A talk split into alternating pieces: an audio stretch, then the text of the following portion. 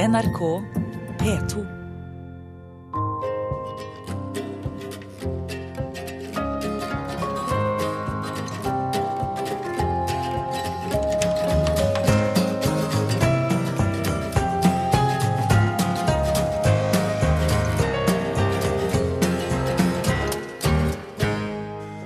Hei, mitt navn er Lars Elling. Jeg er billedkunstner. I mitt sommer i P2 skal jeg snakke litt om egg, dansegulv, jazz og økonomi. Jeg hadde min ungdomstid på 1980-tallet. Det var en tid som kombinerte økonomisk overmot med en snikende følelse av at alt kunne være over på et blunk. To supermakter sto steilt på sitt og demonstrerte sine viljer til atomvåpenbruk og total gjensidig ødeleggelse. Muren i Berlin virket like evigvarende som den i Kina.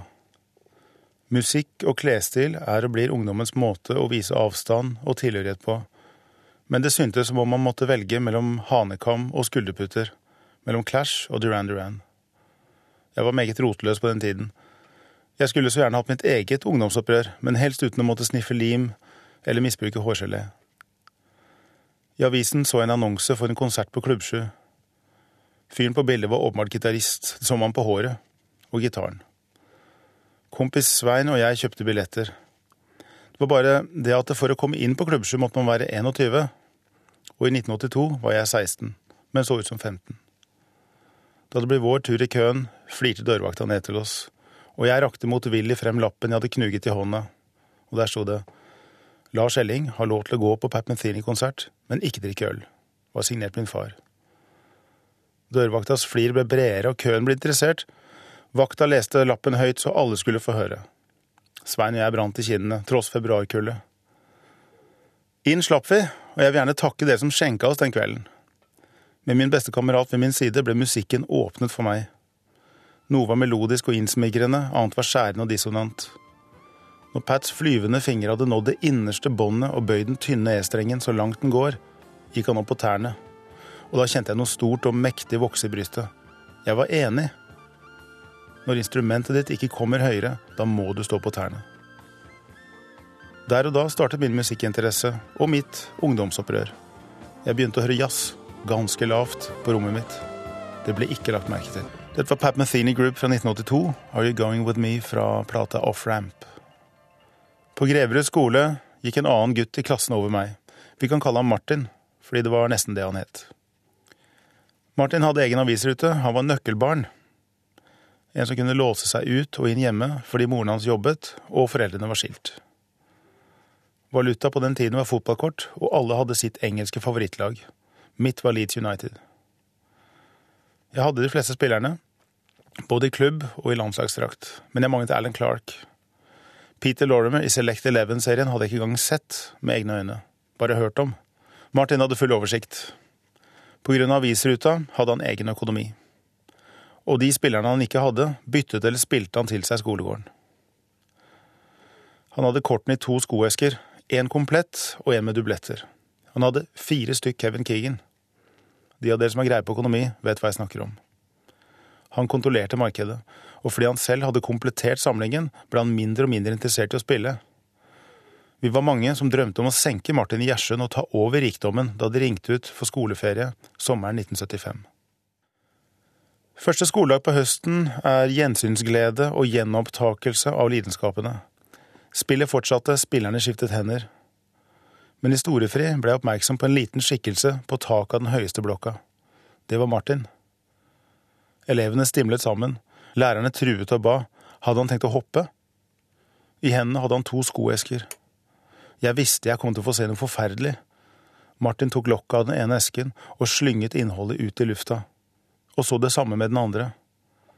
Tusenvis av engelske fotballspillere med feite krøller og hentesveis, mange uten fortenner, glitret i sola før de falt som vissent løv over oss der nede. Det steg et kollektivt Klondyke-hyl av sjokk og grådighet over fra skolegården, mens elever kravlet som rotter over formuen som lå der. Jeg sto frosset fast, Martin sto urørlig på taket. Hadde vi blikkontakt? Vanskelig å si, jeg har alltid vært litt nærsynt. Men jeg visste at nå er det over. Verden har beveget seg. Peter Lorimer i landslagsdrakt er ikke verdt mange sure sild etter dette. Dagen etter kom Martin på skolen med den aller første Coca-Cola-jojoen. Han hadde øvd hele sommeren og kunne satellitten, tur med hunden og vogga. Dette var XTCs alter ego Dukes of the Stratosphere med Vanishing Girl. Jeg heter Lars Elling, jeg er billedkunstner, og du hører på Sommer i P2. Debatten om Nasjonalgalleriet har forduftet, men vedtaket om at det skal stenges, ligger der, og den dagen kommer hvis beslutningstakerne ikke besinner seg. Hvordan havnet vi i denne absurde situasjonen? Da det ble bestemt at man skulle bygge et nasjonalmuseum på Vestbanetomta, mente skeptikerne at det ville koste uforholdsmessig mye i forhold til hva man kunne forvente av publikumstall. Kompromisset ble å slakte Nasjonalgalleriet for å skaffe det nye museet Nasjonalgalleriets unike Munch-samling. For å få til dette måtte Nasjonalgalleriet fremstilles som en ruin, uegnet til visning og oppbevaring av vår kunsthistorie. En rapport ble bestilt, og forventet konklusjon ble levert, og plutselig gikk Nasjonalgalleriet fra å være en vital olding til å bli en sistereisgutt med staten som ivrig aktiv dødshjelper. Men Riksrevisjonens rapport fra 2012 friskmelder galleriet, og intet bilde viser noen skader etter oppbevaring. Så jukset viser seg. Det er Munch det handler om, nok en gang. Det er ingen som tør å tro at et kunstmuseum som konsentrerer seg om norsk samtidskunst etter 1945, vil være publikumsmagnet nok til å rettferdiggjøre byggekostnadene. Derfor tar man en 1800-tallsmaler ut av sitt naturlige habitat. Det er uverdig å ta en 150-åring som gissel. Hva med litt selvtillit isteden? Hva med å bygge samlingen litt de største kunstnerne våre fra 1944 til i dag? Tate Modern i London er verdens best besøkte museum, uansett sjanger og de viser kun den vanskelige samtidskunsten. Munch-salen er nasjonens hjerte, ei mastefuru i småskogen, og nettopp dette er stedets sjel. At vi et lite land hadde ambisjoner om en nasjonal kunstsamling, tross fattigdom og beskjeden middelklasse. Det finnes så få slike små museer i verden. Nesten alt er blitt signalbygg hvor kunsten må konkurrere med arkitekturen. I Nasjonalgalleriets saler henger de samme bildene side om side, tiår etter tiår, uforanderlig, forutsigbart, musealt. Disse salene er tidsvitner, og de fyller sin funksjon til det fullkomne. En hovedstad skal ikke bare ha sko, det må også ha en dress. Og museet på Vestbanetomta blir det. Det blir en hvit smoking vi kan pynte oss med, men det er Nasjonalgalleriet også. En livkjole fra 1800-tallet med vest og klokkekjede, litt slitt på albuene. Ikke helt i tråd med dagens mote, men staselig og representativ like fullt. Det er fortsatt tid til å besinne seg og bevare Nasjonalgalleriet. Dette var Becca Stevens band med en coverversjon av The Smiths-klassikeren There Is A Light That Never Goes Out. Kunst i det offentlige rom er et minefelt. Alle har en mening, og det virker som om privat synsing veier like tungt som profesjonelle vurderinger. Det at alle meninger har lik gyldighet, er et symptom på at det for tiden er liten respekt for kunst som fag. Det har vært noen eksempler på dette de siste årene, så jeg har lyst til å nevne ett i hvert fall. Våren 2011 fikk kunstneren Vanessa Baird i oppdrag å levere tre store bilder til Landbruksdepartementet og til Helsedepartementet i regjeringskvartalet. Koro, som har med kunst i det offentlige rom å gjøre, hadde valgt en kompetent og særpreget kunstner, og de fikk levert verk som var i tråd med bestillingen. De er ti meter høye myldrebilder med mange separate handlingsforløp. De er burleske, melankolske, barnlige, litt romantiske om hverandre. Litt sånn som livet, egentlig. Så alt burde være såre vel. Men nei da. Det flagrer nemlig noen papirer rundt i bildene. Det er byråkratiets sakspapirer som viser livet i søknadskøene. Men noen kom plutselig på at det hadde flagret papir i lufta etter attentatet. Og det gjorde det til 9-11 også og plutselig handler bildene om 22. juli. I enkelte ansattes hoder, vel å merke. Dessuten, som en tilleggsfornærmelse, påpekes det at de er for urolige til å fungere som bakgrunn når en byråkrat skal intervjues på TV. To av bildene ble aller nådigst og mot protester montert, men det siste rakk departementet å avbestille før det ble ferdig. Hva skal man si om noe sånt? Hva ville Picasso ha sagt? I 1937 holdt han på med et svært bilde som skulle vises på verdensutstillingen i Paris samme år. Det skulle henge i den spanske paviljongen og handle om tyrefekting. I april treningsbombet tyskerne den lille baskelandsbyen Gernica med Francos velsignelse.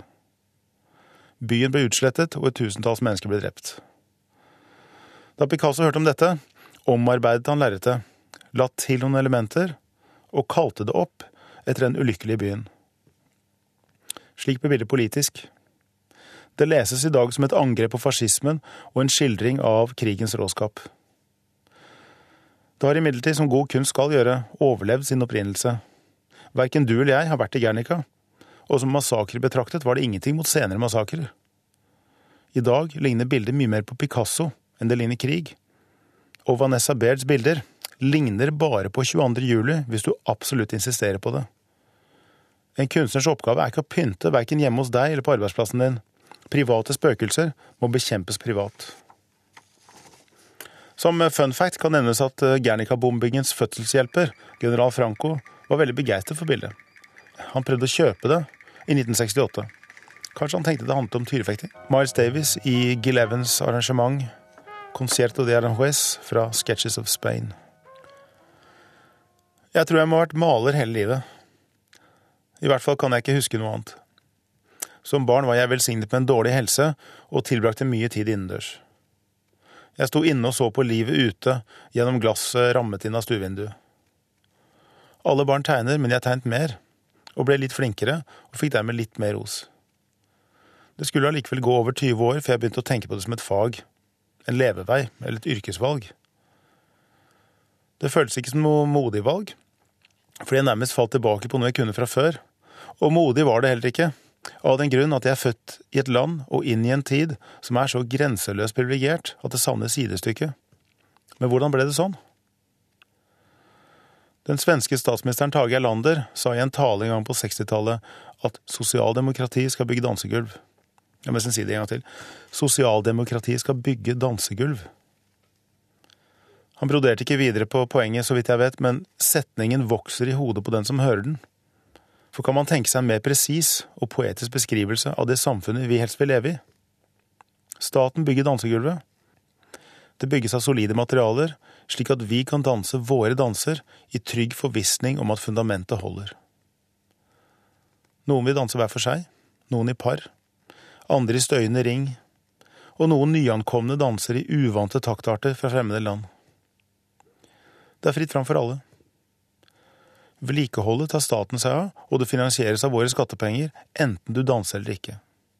Så hvis du går på trynet etter et spesielt avansert trinn, så faller du bare på gulvet, ikke tvers gjennom og ned i kjelleren, slik det er tilfellet i de fleste land. Jeg møter av og til folk som bruker uttrykk som AS Norge, med streit fjes og helt uten å slå blikket ned, som om et land egentlig er en bedrift som skal lønne seg, og hvis ikke, blir det permitteringer. Jeg heter Lars Elling, jeg er billedkunstner, og dere har hørt eh, Deacon Blues fra Stille Dan-plata Aja. Jeg har fire idoler. De fire store. Det er ikke Ibsen, Bjørnson, Kielland og Lie, som vi lærte på skolen. Hvorfor er Lie med på den lista, forresten? Jonas Lie. Det sier vel noe om tidens tann og verkets varighet. Men altså, de fire store er Velasquez, Munch, Bacon og Richter. De er mitt kunstnerskaps magnetiske nordpol.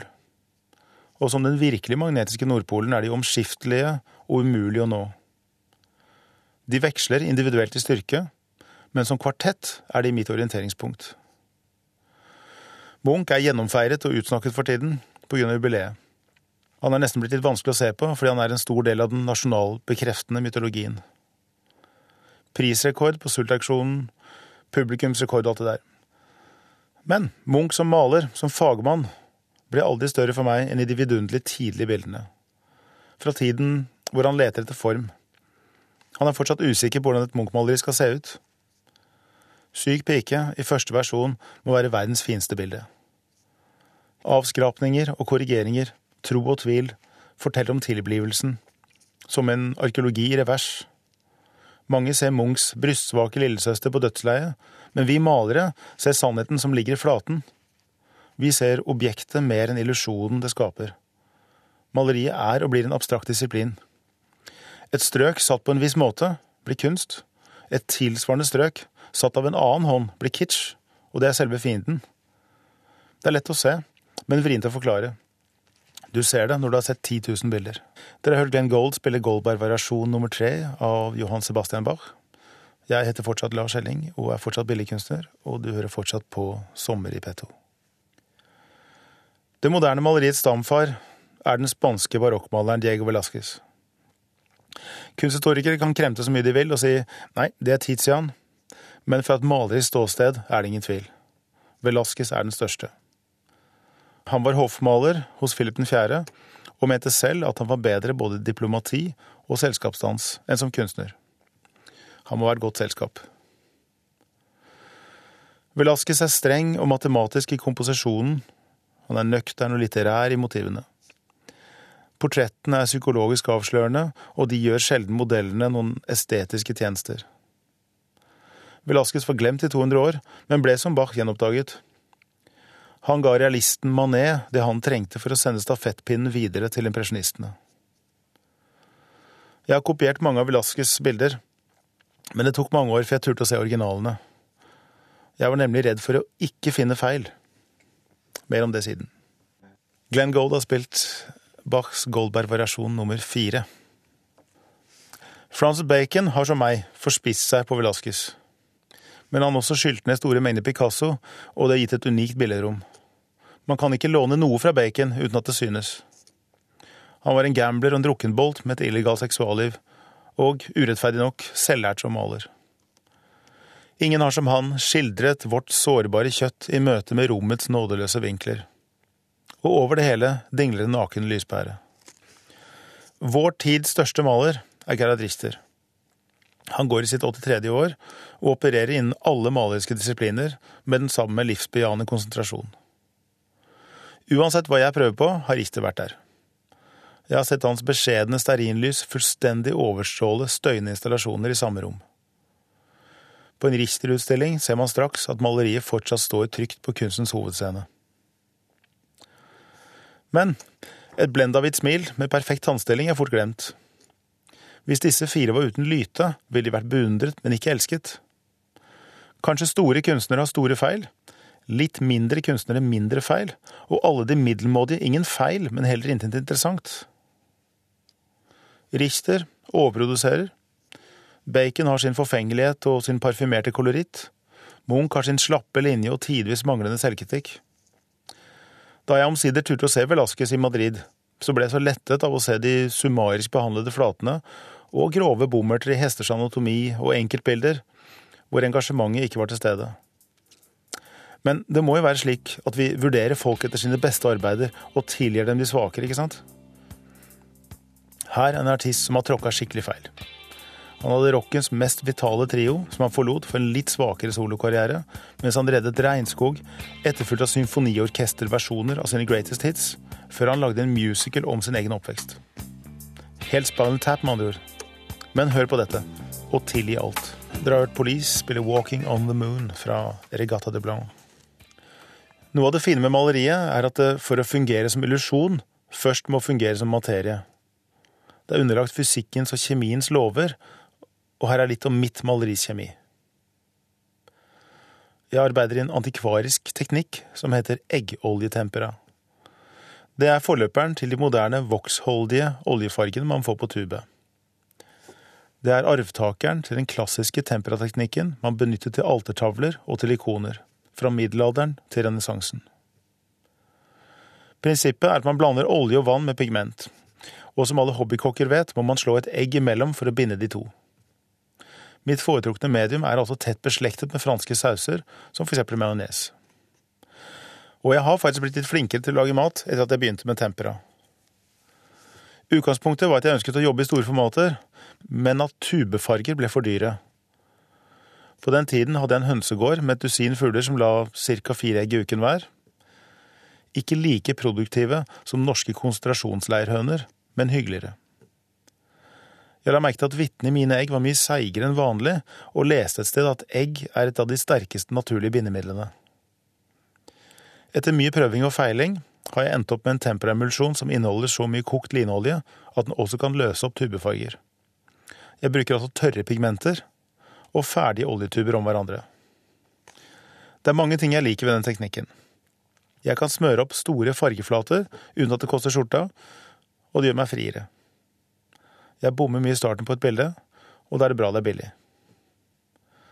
Teknikken er også tungvint og unøyaktig, og det er bra for meg, som ellers ville jobbet eh, litt for effektivt, og dermed ville gått glipp av en del kvaliteter man får ved å sette ned tempoet. Hvis jeg blander lite pigment i mediet, får jeg et gjennomsiktig strøk, og hvis jeg blander hvitt i mediet og stryker over et mørkere parti, så får jeg et slags slør som skjuler og avdekker på samme tid. Og hvis jeg blander inn litt terpentin, så kan jeg få et renn som blottstiller noe som ligger under det øverste laget. Forskjellige påføringer gir forskjellig tørketid, og det gir igjen matte og blanke overflater om hverandre. Det fins talløse slike maleriske strategier, og det gjelder å finne de som passer ens eget temperament.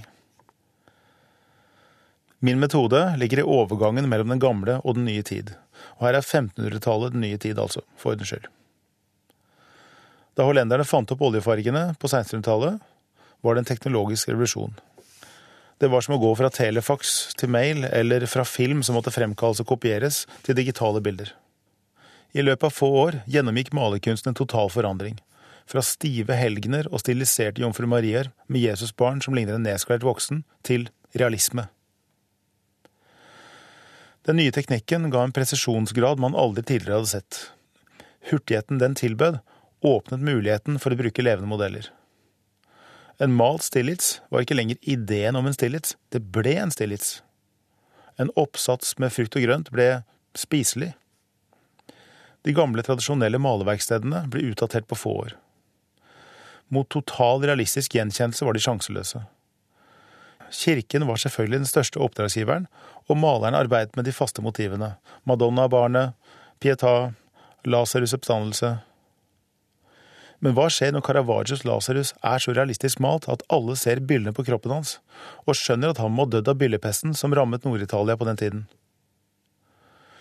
Eller verre, hva skjer hvis alle kan se på Madonnaen er hun jenta som jobber nede hos bakeren, og at Jesusbarnet ikke akkurat er født uten synd, og at vi vet hvem som er faren? Jeg har ikke sjekket dette, men eh, kan den plutselig voldsomme realismen i kunsten ha ført til en sekularisering av det religiøse maleriet? Det blir jo unektelig vanskeligere å tilbe en Madonna man selv har hatt bebudelse med. Jeg vet i hvert fall at når Manet flere århundrer senere viste sin avkledde Olympia, ble det bråk, fordi hun var en velkjent prostituert som kjente mange kunstinteresserte. Det står på Wikipedia at folk ble sinte fordi hun ligger i samme stilling som Tizians Olympia. Men den tror jeg ikke på. Så fintfølende er ikke engang franskmenn. Sommer er festival. Og festival for meg er Kongsbergjazz. Den fyller 50 år, og programmet toppes av Stevie Wonder. Det er en av mine soveposeartister, altså en av de få jeg ikke har hørt, og som jeg ville overnattet i sovepose utenfor luka for å få billett til. Det blir min 26. Kongsbergjazz. Og alt er ved det samme. Rom 17 på vandrehjemmet, festivalpass, kombisykler og samme kompis. Mitt sommer i P2 kan dermed slutte der det begynte i en kø på vei inn i et konsertlokale, med antydning til promille, men uten lapp med hjemmefra. Hør flere podkaster på nrk.no podkast.